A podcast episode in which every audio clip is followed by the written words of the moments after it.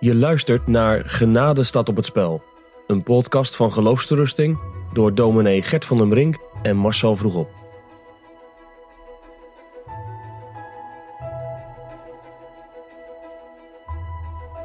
We hadden net ehm, eh, het over de zekerheid van het geloof en het belang daarvan en waar je dan eh, precies zeker van bent.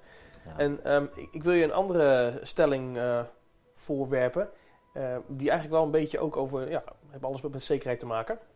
Dat zit meer op van, ja, dat, dat zeker zijn, dat is allemaal maar niks eigenlijk. Of allemaal maar niks. Eh, is een beetje gevaarlijk. Want al die gelovigen die zo, ja, zo zeker zijn van, van dat ze geloven enzovoort, en waar ze dan in geloven, dat, dat heeft de kans in zich dat ze zichzelf voor de gek houden. Hè? Dat ze met een ingebeelde hemel eh, eh, toch verloren gaan. Ja, En, en denken Jezus te kennen, maar ja, dat is toch eigenlijk helemaal niet zo. En is het dan niet beter ehm, om maar niet zo met die zekerheid bezig te zijn en, en ja, meer continu te twijfelen? Want dan ben je in ieder geval voortdurend jezelf aan het vragen van ja, hoor ik er nou wel bij of niet bij? ja dan, dan, dan hou je jezelf scherp. Ja, ja, precies. Ja, ja, ja. Ja, ja het wordt wat afgezaagd, maar dat is ook Arminiaans. Hè, de Arminianen die zeiden... ik hoor het veel gereformeerden eh, denken en zeggen. Gek genoeg. Maar je zegt dat het is Ja, Arminiaans. het is Arminiaans. Ja, de Waarom dan? Arminianen zeiden, de zekerheid is gevaarlijk voor het geloof.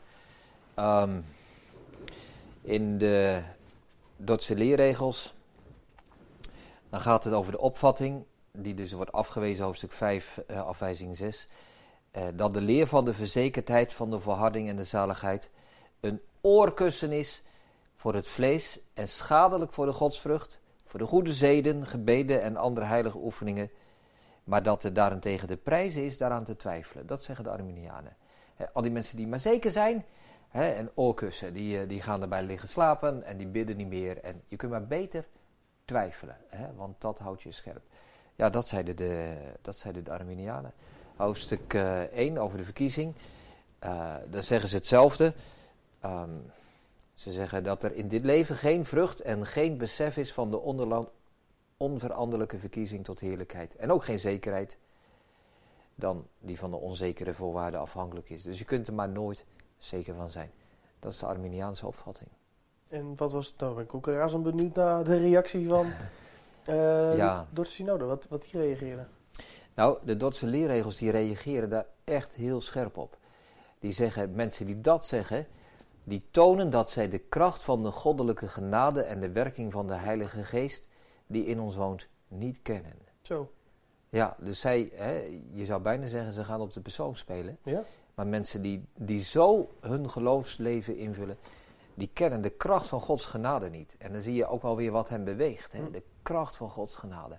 En de werking van de Heilige Geest, die maakt ons niet onzeker, maar die maakt ons zeker. En dan, ze ronden af ehm, in hoofdstuk 5, paragraaf 15. Dan zeggen ze, eh, die leer van de zekerheid wordt door het vlees, de mens in zichzelf, niet begrepen. Wordt door de Satan gehaat. Wordt door de wereld bespot. Wordt door de onervarene en huichelaars misbruikt. En door de dwaalgeesten bestreden. Dus, laat ik zeggen, een dominee die zegt van ja mensen, tegenwoordig zijn ze allemaal maar zeker, maar je kunt maar beter twijfelen. Die wordt hier als een dwaalgeest aan de kaak gesteld. Maar de bruid van Christus heeft haar altijd als een onwaardeerbare schat innig lief gehad. En standvastig verdedigd. En eh, ja, dat, dat zeggen de Dordtse leerregels daarover. Dus ehm, wat ik net al zei, heel hoofdstuk 5 gaat over die zekerheid. Hè, het is wezenlijk voor, eh, voor het christelijke geloof.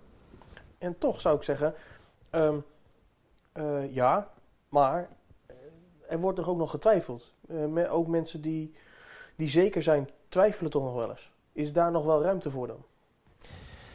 Ja, je, je, je mag denken aan wat Jezus eh, eh, zegt in dat gesprek met die, die vader van die maanzieke knaap. Hè, zoals die vaak wordt genoemd, Marcus 9. Eh, die man die komt bij Jezus en die zegt, indien gij hem kunt genezen, help ons. En Jezus die legt de vraag terug. Hij zegt, indien gij kunt geloven. Als we het over kunnen hebben, zegt Jezus, moet de vraag niet zijn wat ik kan, want ik ben almachtig, maar of je dat nu kunt geloven. En dat woord, dat breekt die man als het ware. En hij barst in tranen uit. En hij zegt, ik geloof heren, kom mijn ongeloof te hulp. Ja, dus die man had geen volkomen geloof. Die voelde nog steeds die neiging tot ongeloof. Maar heren, help mij in dat ongeloof. Dus daarin kun je zeggen, elke christen herkent de twijfel en de onzekerheid en de aanvechting en, en de gebrokenheid van het leven. Maar een Arminiaan zou ik zeggen, die zegt van, nou ja, hè, dat is wel goed zo. Twijfelen is wel goed.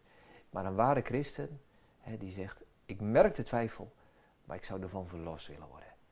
Dus die ziet daar niet een reden in om tevreden te zijn met zijn twijfel. Hm. Maar die strijdt er tegen en die verlangt naar meer en krachtiger en zekerder geloof.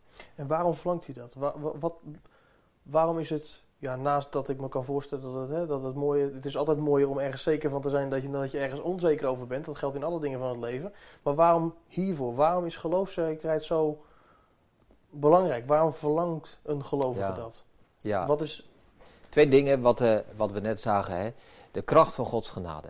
Gods genade is volledig. Als God ons redt, zijn we volkomen gered, Marcel. Hè? En als we daaraan twijfelen, dan doen we tekort aan het genadewerk van God.